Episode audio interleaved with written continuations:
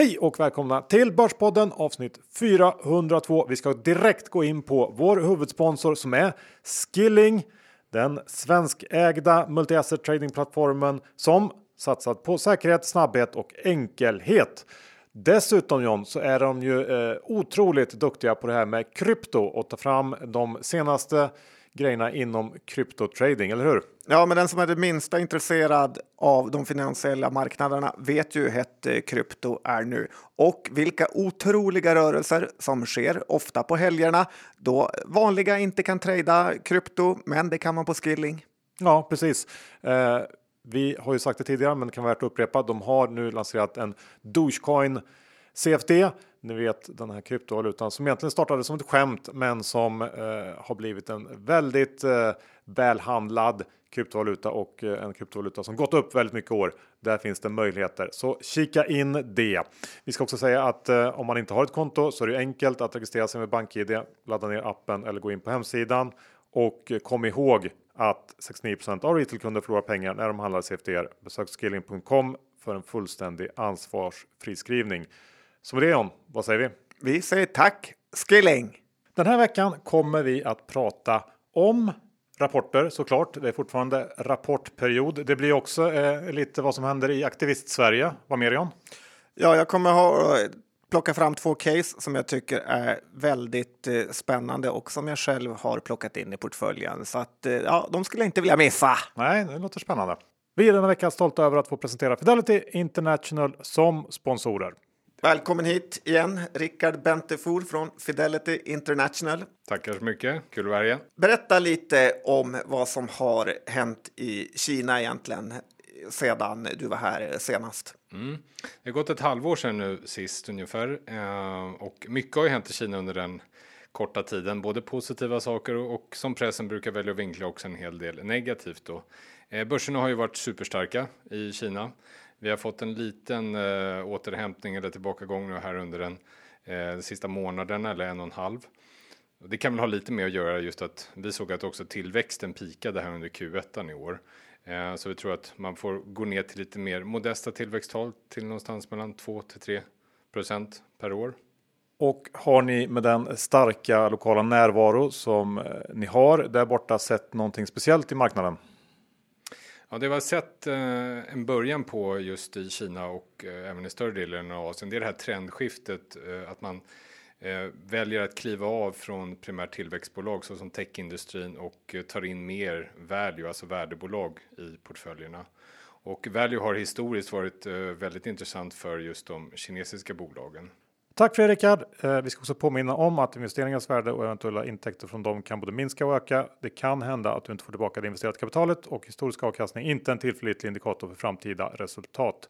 Våra sponsorer tar inget ansvar för det som sägs i podden och åsikter uttryckta kan redan agerats på och inte längre gälla. Det är också viktigt att läsa prospekt samt KID dokument och investeringar på tillväxtmarknader kan vara mer volatila än på andra mer utvecklade marknader. Stort tack till Fidelity International. Johan, Dr. Bass Isaksson, index är i 22-23 och det var inte länge sedan man var helt övertygad om att vi skulle över eh, 2300. Eh, dit har vi inte nått utan faller tillbaka lite. Vad säger du? Ja, men det känns ju som att vi har kört fast lite grann. Sista månaden här så har vi legat och pendlat kring de här nivåerna och nu när merparten av bolagen har rapporterat så ska det bli intressant att se om börsen orkar stanna kvar här eller går upp ännu mer. Eh, jag läste att den kan falla också, ja, det kan även göra. om till och med Dr. Bass har glömt bort det. Nej, men jag läste att det har varit en, en rekord, rekordrapportperiod sett till antalet bolag som slagit estimaten eh, och det faktum att marknaden i stort ändå inte har belönat bolagen med nya uppgångar kanske tyder på att vi ändå är klara eh, på uppsidan för ett tag framöver. Det finns ju en risk att fokus på Stigande inflation och andra hemskheter kan bli jobbigt för börsen kommande månader. Eh, även om det skulle tala, handla om pristryck av övergående karaktär så kan nog många darra till om inflationssiffrorna blir lite för starka. Å andra sidan får man säga att det snackas enormt mycket om just det här nu. Eh, jag tror att väldigt många också sitter och väntar på en dipp. Eh, så det är möjligtvis så att en snabb rörelse upp först kanske det som lurar flest just nu och det är det börsen egentligen gör bäst. Ja, så det är lite herr Hås nu idag med andra ord. Eller nej. är det bara för att du har blivit lång ofrivilligt? Som det nej, nej det är, jag vet inte. Det är svårt bara som vanligt. Ja, faktiskt. Eh, jag håller med. Ja. Eh, det är ju this time of the year som man brukar säga. Sell and May, go away. Ja, men Eller också... den här perioden i månaden. alltså, jag tänkte mer på Berkshire Hathaways stämman som ju brukar gå av stapeln just nu. Ja, och eh, de har haft den stämman där och det har ju helt fyllt de amerikanska finansmedierna nu när den eh, gick i helgen. Och eh, man kan väl verkligen säga att det inte är några sensationella nya saker de här herrarna kommer med, utan det är ungefär det vanliga.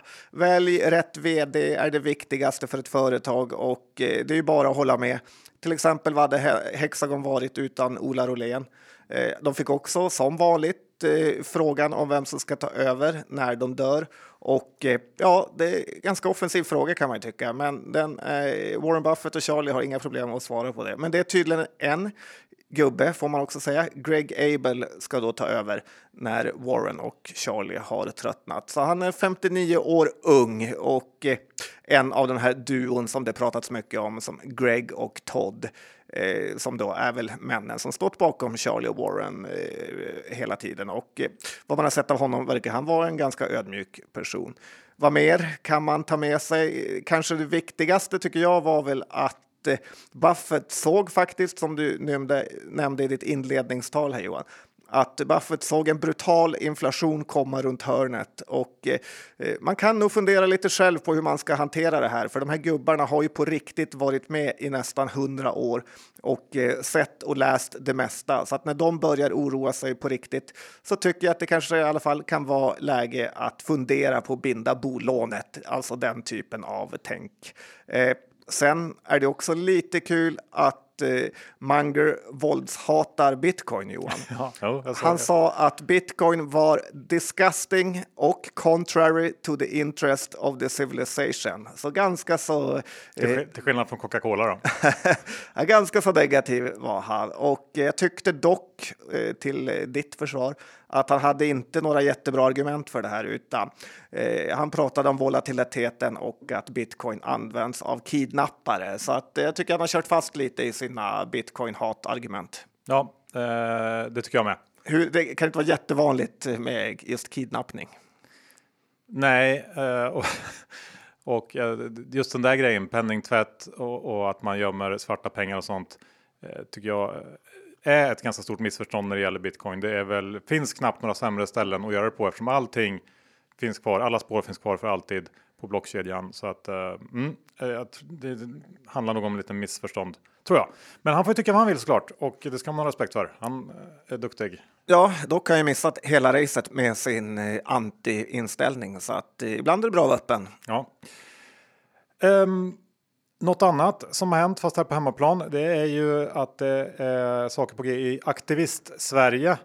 Och vad tror jag tänker på då?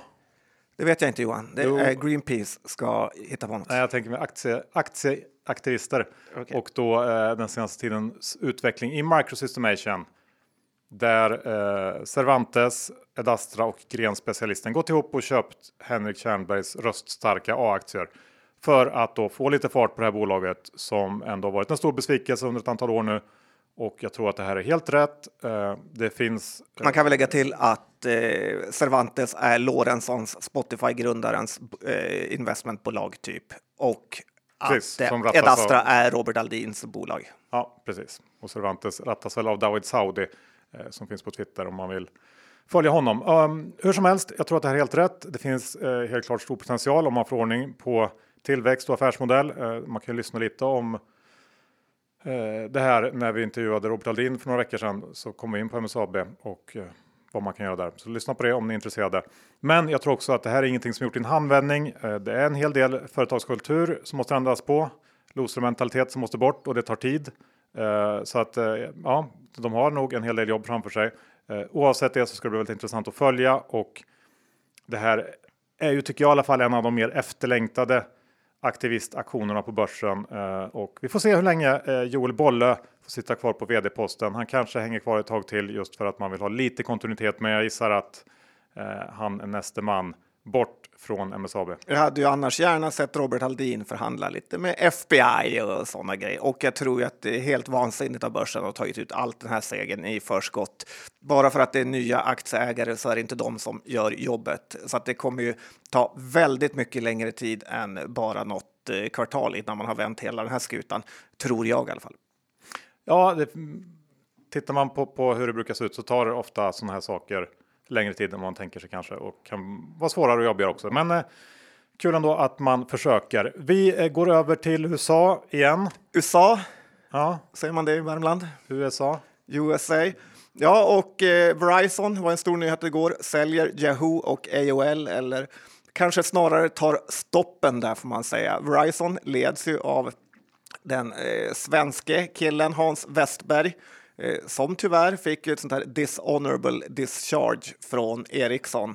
Och Jag vet inte hur ledsen han är för det faktiskt. Nej, men han blev ju duktigt eh, förnedrad när eh, media sågade sönder honom och eh, han fick lämna Ericsson tvärt. Men nu verkar han uträtta stordåd i en av världens största telekomoperatörer eh, och bestämde då här att Yahoo och AOL eller American Online som det också eh, heter ska bort. Eh, Verizon gör ju brakförlust på det här när man säljer det till Apollo och då är det inte eh, resebolaget jag menar utan ett eh, typ ett amerikanskt EQT. Du trodde att det var resebolaget Johan? Nej, det tror jag inte. Eh, men Eh, det är ju så här, hela, det jag tänker på är ju att eh, bolag nu för tiden hyllas när de gör förvärv efter förvärv. Vi har Sinch, Embracer och det är faktiskt en ganska stor risk att flera av de här förvärven kommer visa sig vara katastrofala. Att Yahoo och AOL tappar halva sitt värde trots att de har legat precis rätt i den här eh, tiden av ITHs, Eh, visar ju på hur svårt det är med förvärv. Eh, man hade ju verkligen inte gissat att Verizon skulle torska 50 miljarder kronor på en sån här affär. Och eh, man får faktiskt tillägga att på gamla goda så ansågs ju faktiskt förvärv vara en risk. Att bolaget som eh, då köpte ett annat ofta gick ner på börsen eh, när de annonserade ett eh, förvärv. Så är det ju verkligen inte nu, utan nu rusar ju det ett bolag som förvärvar. Vi vet ju att snabba förvärv är en perfekt väg mot härvor. Det är bara att fråga ABB Boliden ja, och nu Verizon, även om det är en liten del av ett sånt gigantiskt bolag. Ja, eh, jag håller med dig. Det, jag tror också att det kommer att svänga lite grann det här. Den här uppfattningen kring förvärv, att det är nyckeln till allt. Ehm, Kanske ännu mer om räntorna stiger, för då kostar det faktiskt att eh, köpa något, en alternativ kostnad. Ja. Om man börjar bli trött på hela det här pandemiköret, vilket jag utgår från att alla eh, är, då kan man ju vända sig åt, eh, vad blir det, väster till UK. Det finns ändå lite hoppingivande nyheter därifrån. Ja, efter att ha blivit waterboardad av en PCR-test idag Johan så vet jag inte hur ressugen jag är längre. Det var väldigt okrispigt faktiskt. Men igår var det en enda person som dog av corona i UK och det visar ju hur otroligt bra det fungerar med vaccineringen. Och om inte EU var sådana sopor och hittade på galna saker om bland annat Astras vaccin så hade vi ju legat mycket längre fram. Men det positiva är ju att vi också kommer komma dit. Så att jag tycker tycker man faktiskt kan ta ut segern i förskott här om att världen håller på att öppna upp ordentligt. Och eh, det vet ju inte minst du och jag Johan som är på väg till Marbella när man lyssnar på det här. Vi är denna vecka sponsrade av Valours Bitcoin Zero och Ethereum Zero. Och det här är två produkter som man kan handla via sin ESK eh, hos Avanza eller Nordnet och eh, som då ger exponering mot Bitcoin och Ethereum med eh, 0 i förvaltningsavgift. Eh, och det här är ju eh, smart, eller hur John? Faktiskt. Jag Ja. gillar att man kan ha det på ISK. Ja, och eh, just att det inte finns några förvaltningsavgifter är någonting som i längden eh, gör väldigt stor skillnad. Eh, varför betala 2-2,5 procent eh, hos någon konkurrent när man kan då få det här för 0 procent gratis? Ja, det skulle jag välja om eh, jag kunde i alla fall. Precis, och eh, det här är då ett väldigt enkelt sätt att få exponering mot Bitcoin och Ethereum. Så vi säger stort tack till Valors Bitcoin Zero och Ethereum Zero. Vi är den här veckan sponsrade av Lendify. Ja, och det är ju väldigt, väldigt härligt att ha ett inkomstflöde från en annanstans än börsen, särskilt när börsen står så högt. Att då eh, hela tiden få amortering och ränta på sitt sparande på Lendify tycker vi är väldigt bra och vi har en väldigt stor del av vårt företagspengar där Johan. Jag tycker ni också ska eh, ta och utforska vilka möjligheter Lendify faktiskt ger. Ja, precis. Eh, det gör man med fördel via vår länk som då är lendify.se Borspodden. Använder man den då får man 500 kronor extra insatt på sitt konto om man stoppar in och investerar minst 20 000 kronor. Så lendify.se Borspodden. Stort tack Lendify!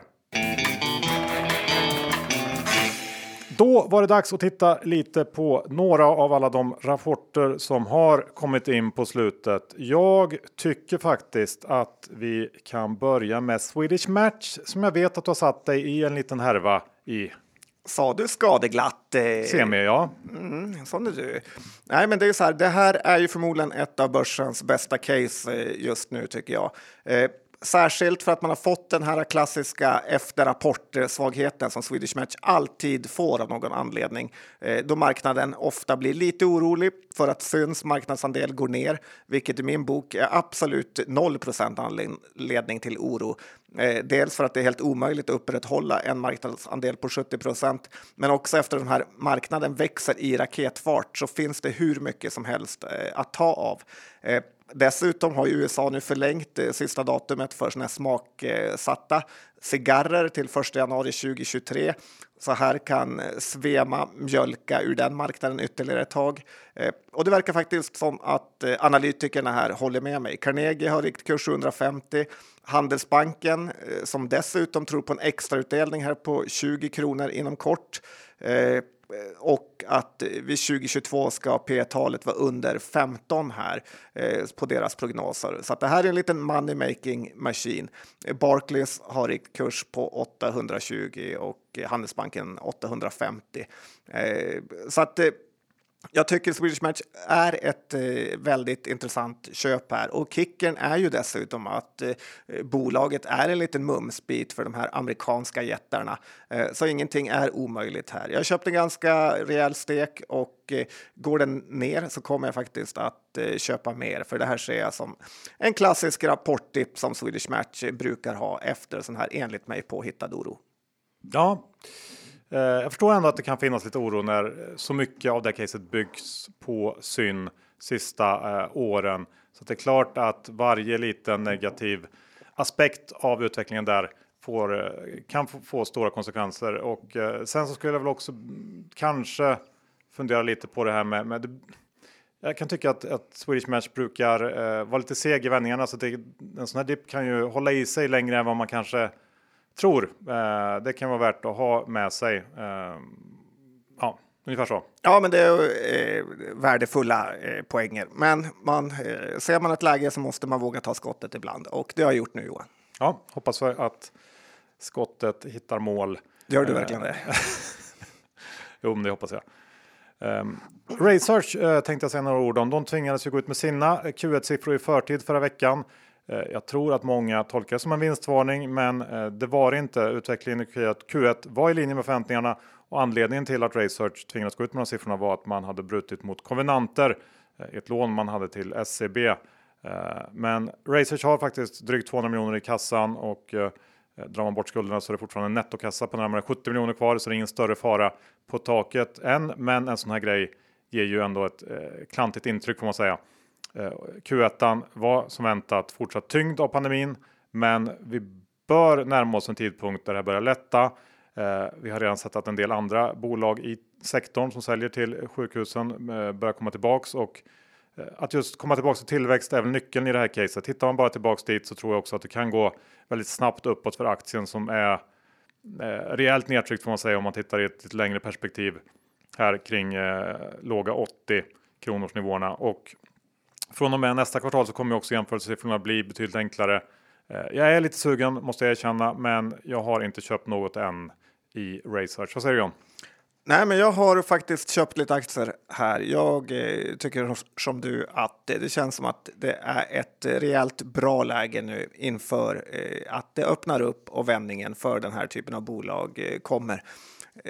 Robert Aldin sa ju att eh, sådana här bolag som har tjänat pengar tidigare och har gått bra tidigare förmodligen kommer komma tillbaka. Och jag kan verkligen förstå att det har varit svårt att sälja in eh, sina grejer till sjukhusen under den här perioden. Men man läser ju varje dag i tidningen om den här eh, vårdskulden som finns där ute. Så att jag tror Research har en god chans att eh, komma tillbaka. Ja, jag tänkte precis addera det, det här med vårdskuld. Det finns ju en möjlighet att det också finns någon slags Eh, uppdämt behov eh, och att det kan gå eh, riktigt bra under en period för research när det väl börjar öppna upp igen. Det är inte omöjligt. Nej, och det pratas ju också om deras nya satsning här i Hagastaden där de har för, köpt betydligt eller fixat betydligt större lokaler för att kunna satsa. Så att de verkar optimistiska med Johan Löv i spetsen och han har ju mycket aktier med. Så jag tar ett bett på honom. Mm. Um, sen vill jag höra lite om ett bolag som jag nog skulle sortera in eh, under den här rövcase-rubriken. Jag hade ju några sådana förra veckan. Som ändå var ganska fina. Ja, det här är ju liksom rövcase fast av sämre kvalitet. Vet du vad jag tänker på? Rövcase på en apa. Ja, vad tänker jag på för bolag? Jag tror du tänker på Hövding. Ja. Ja, bra Johan. Det är ju faktiskt så att eh, det har väl varit lite en lynchning som har gått fel för mig här då lynchningsområdet eh, för Hövding just har varit mellan Bromma och Odenplan. Så att den har väl gett eh, ganska felaktig bild över det generella eh, marknadshjälmläget här. För lynchar man den sträckan så tror man att Hövding har en marknadsandel på 30-40 procent kanske, eh, vilket de såklart inte har och lätt att bli lite lurad här. Men Hövding är ju ett svårt case numera för mig för att jag vill inte att det ska bli katastrof eftersom jag en gång har trott på det. Samtidigt vill jag inte heller att det ska bli för bra eftersom jag har sålt mina aktier här. Och eh, det här var väl lite en sån rapport får man säga eh, med ändå lutning åt det bättre hållet. Försäljningen fortsätter starkt, nästan eh, 60 i omsättningsökning. Tyvärr är den här gamla härvan som vi pratat om mycket med bruttomarginalen. Den blir inte bra, den blir lite bättre, men absolut inte tillräckligt bra. Och jag har svårt att förstå att man inte jobbar hårdare med att försöka höja upp den. Eh, nu har jag sett att man har höjt priserna så att det kanske kommer slå igenom här eh, framåt. Eh, det kan ju vara också så att det är väldigt svårt för ett litet bolag som Hövding att kunna pressa priserna hos leverantörer och så vidare. För om till exempel Thule skulle köpa Hövding så skulle man nog snabbt kunna öka bruttomarginalen eh, som är då helt avgörande för om Hövding någonsin kommer gå från att vara ett förhoppningsbolag till ett vinstdrivande företag här. Eh, och eh, så ha, lite mer negativa grejer är ju trots att man säljer så bra och minskar varulagret eh, så har man ändå ett negativt eh, kassaflöde på 8 miljoner. Man bränner av kassan ganska, i ganska snabb takt även fast man har ganska mycket pengar eh, sedan den stora nyemissionen för ett år sedan. Men det går ju inte att vänta på att kassan ska gå till noll så att eh, tyvärr tror jag att det nog ytterligare kommer att ske ytterligare en nyemission innan det här eh, bolaget blir lönsamt eh, faktiskt. Det är mitt eh, case. Jag tycker ändå att de gör det bra som tuffar på, men ja, jag är inte helt nöjd ändå. Nej, jag håller nog med om din bedömning. Uh, så att vi, vi lämnar rövcaset. Ja, uh, så kan vi ta Tigo eller Millicom, lite mer känt som. Eh, kom ju med riktigt fina Q1-siffror förra veckan och jag tycker eh, fortsatt att det här är ett intressant återhämtningscase som borde ha mer att ge. Bolaget slog förväntningarna på i princip alla punkter, adderade väldigt många, många nya kunder och är nu tillbaka på pre-covid nivåer när det gäller aktiviteten i stort. Ledningen sa också att den här starka utvecklingen fortsatt in i Q2. Eh, tittar man på kassaflödet så ökar det med 10% men eh, man håller ändå fast vid den här ganska försiktiga guidningen på eh, ett kassaflöde om minst 1,4 miljarder dollar eh, i år. Och jag tror att det finns ganska goda chanser att de slår det och att det kan komma en höjning senare här under året. Eh, man öppnade också upp för återköp av aktier senare i år. Ja, men eh, I det stora hela så känns det som att det, det tuffar på nu för Tigo och aktien borde kunna vara en, en liksom lågriskvinnare eh, under resten av året tror jag. Om det inte händer något jättekonstigt på pandemifronten eller något annat. Ja, låg risk och Millicom känns ju inte riktigt som det hör ihop. Också modigt av dem att prata om återköp av aktier trots att de har en ganska brutal eh, skuldsättning. Men visst, eh, eh det här är en aktie som verkligen borde ha mer att ge. Ja, eh, jag tycker faktiskt det. Eh, Polia har rapporterat. Det har de gjort och det här tycker jag faktiskt också är en aktie som är intressant och som jag har köpt lite av.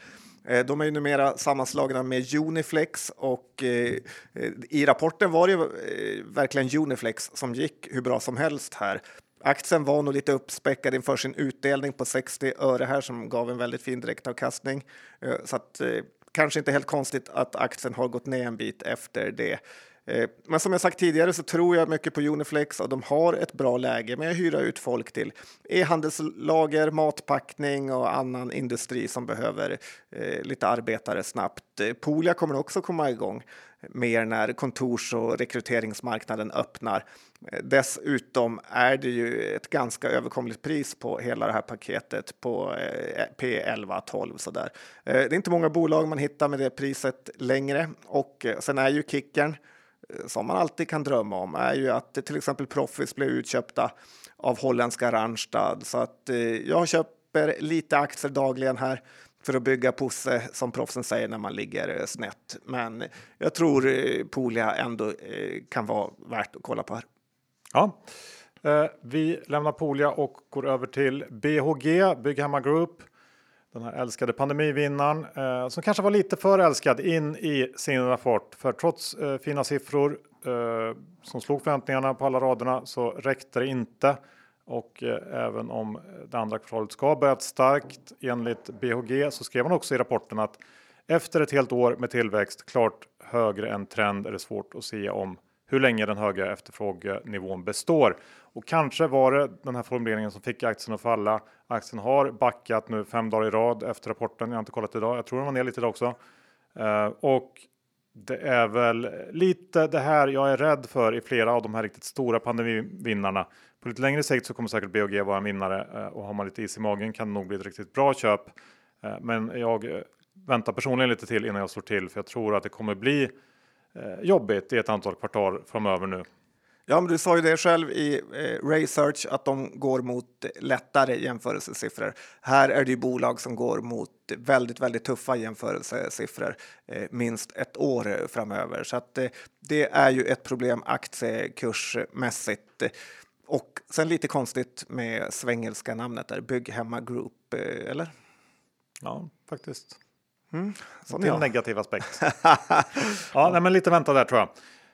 Uh, VBG eh, är ju lite av en vinnare på allt som händer nu ändå, får man säga. Ja, faktiskt. Ett annat eh, trebokstavs eh, eh, förkortningsbolag här. Men det är ju lastbilskopplingsbolaget eh, från Vänersborg med eh, kanske Sveriges tröttaste ledningen, så, ledning som rapporterade sin Q1 och det var ju som sagt ganska bra där förutom eh, den delen de köpte av Vratos som gör såna aircondition till bussar eh, bussbusinessen generellt har ju gått väldigt, väldigt dåligt för alla typer av bolag, typ Volvo, eh, med tanke på att lokaltrafiken i världen inte direkt blomstrar. Men VBG ser helt okej okay ut med sina Eh, vanla, gamla vanliga svagheter som att det ägs av en stiftelse så att det kan aldrig köpas ut, att eh, ledningen med vd i spetsen som har jobbat sedan 2001, alltså i 20 år nu, men har ändå bara lyckats eh, köpa drygt tusen aktier. Eh, sånt imponerar inte. Eh, men som sagt, annars ser det bra ut. Eh, jag gillar ju mer Haldex ändå för att där har man lite mer möjlig turnaround och eh, eh sån här högre risk, högre reward. För VBG känns ganska felvärderad här. Eh, deras balansräkning är ju tillfixad så att man kanske skulle kunna smälla till eh, med ett förvärv här så ger lite uppsida.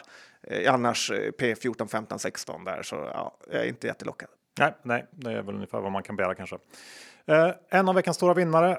Det har faktiskt Toby varit. Eller Toby, Toby Eye, som vi säger, fast ja. som är fel. Är det fel? Ja. ja. Säg inte det då. Nej, jag sa ju Toby. Ja. Eh, och det beror inte eh, på att rapporten som kom i torsdags var särskilt bra, snarare tvärtom. Den var sämre på egentligen allt, men bolaget meddelade att man planerade att knoppa av Dynavox under Q4 i år och det uppskattades av marknaden. Och Tobii Dynavox, det är det här affärsområdet som hjälper eller som säljer hjälpmedel för personer med nedsatt kommunikationsförmåga. Det här är den största delen eh, inom Tobii och eh, förra året så omsatte man lite knappt 900 miljoner och gjorde en ebit på 125. Så det är ju ett lönsamt eh, riktigt bolag. Och det här kommer väl att jämföras med andra bolag inom medtech när det väl är ett fristående eh, börsbolag Eh, och värderingen bör därmed bli ganska hög.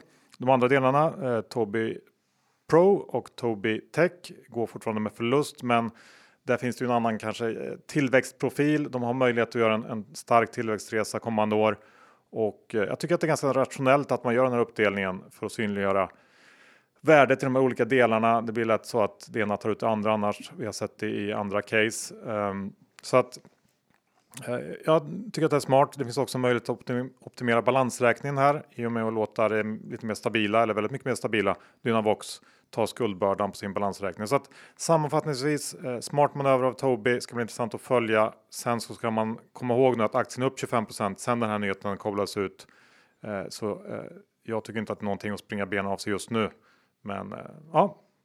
Sverige måste ändå vara världsmästare på att Eh, knoppa av eh, olika bolag. I Sverige kan en företagsledning inte styra ett bolag större än eh, 25 personer. Nej, det, men det funkar ju ganska bra ändå får man säga i de flesta fall. Eh, Bahnhof är ett bolag som är valt att inte knoppa av någonting utan de eh, har allt. Ja, Jon Karlung vill rå om allting för sig själv.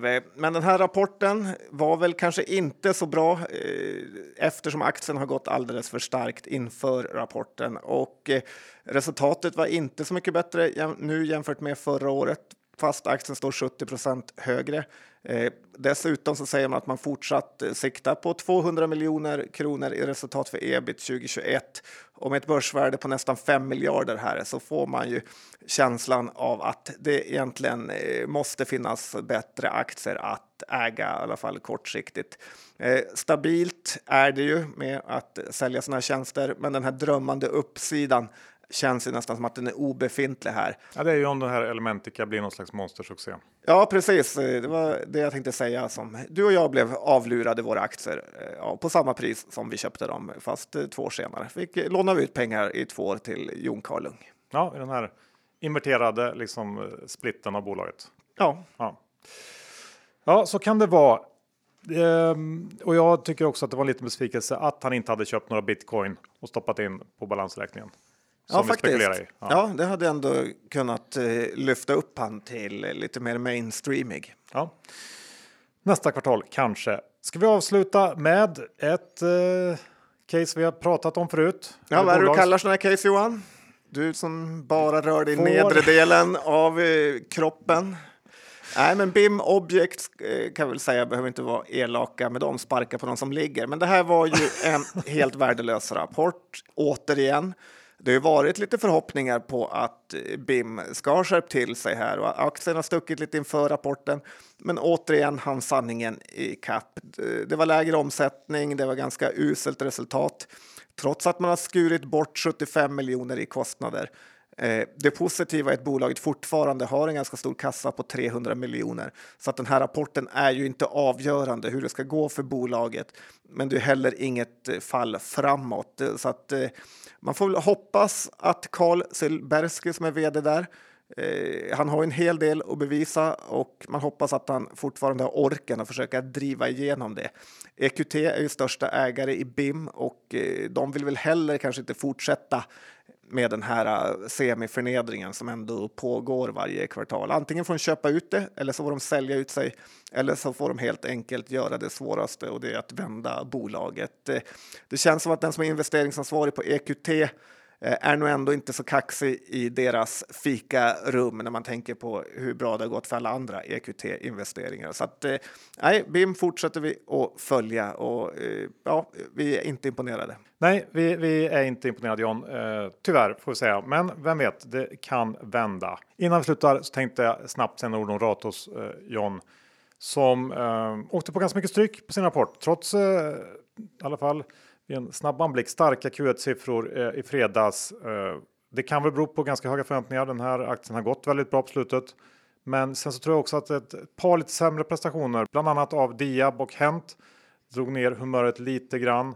Sen så gick väl det som var störst rent resultat förbättringsmässigt var sådana som Plantagen kanske och Ibel som är lite svajare och kanske lite sämre kvalitet i de beatsen om man säger så. Ja, Plantagen lär väl vara en sån här byggmaxvärdering på eh, ja, single digit p-tal. Ja, så är det nog. Eh, men om man tittar på Ratos i ett lite mer utzoomat perspektiv så har man väl ändå, får vi säga, skapat en stabilitet nu och en resultatförbättring eh, som är rejäl och som vi inte har sett på länge. Och om man kan göra något förvärv kanske kombinerat med och i bästa fall bli av med plantagen framför allt eh, så finns det säkert fortsatt uppsida. Men eh, nu, nu får det väl kanske hända någonting mer. Eh, den stora resultatförbättringsresan är väl delvis gjord i alla fall. Ja, de får leta upp den här gamla vdn som en gång köpte det till Ratos. Kanske han vill köpa det på sitt nya gig. Ja, kanske. Inte. Slut på avsnitt 402. Vi säger stort tack till Skilling som är vår huvudsponsor. Om ni inte har öppnat konto, gör det. Ladda ner appen eller gå in på hemsidan. Eh, enkelt med BankID och svensk kundtjänst, eller hur John? Ja, kunde inte sagt det bättre själv. Väldigt intressant app. Ja, men kom ihåg riskerna med CFDR. 69% av retailkunder förlorar pengar när de handlar CFDR. Så besök skilling.com för en fullständig ansvarsfri skrivning. Ja, och sen ska man också. Jag går in på Lendify om man inte gjort det. Öppna ett sparande där kan vara ett eller är ett bra komplement till börsen. Lendify.se snedstreck Borispodden. Ja, det är faktiskt väldigt skönt att ha. Ja, hur var det med innehav idag John? Du hade en hel del. Eh... Ja, jag hade Swedish Match, Poolia och eh, sen eh, Ja, det var väl... Känns som det som har blivit kvar efter att du har rapporttradat. ja, allt som går ner vägrar jag sälja. Ja, så kan man också göra. Eh, jag, vad hade jag? Jag har nog ingenting av de bolag vi har pratat om. Eh, nej, så att med det så säger vi stort tack för att ni lyssnade även den här veckan. Vi hörs nästa onsdag. Det gör vi. Hej då!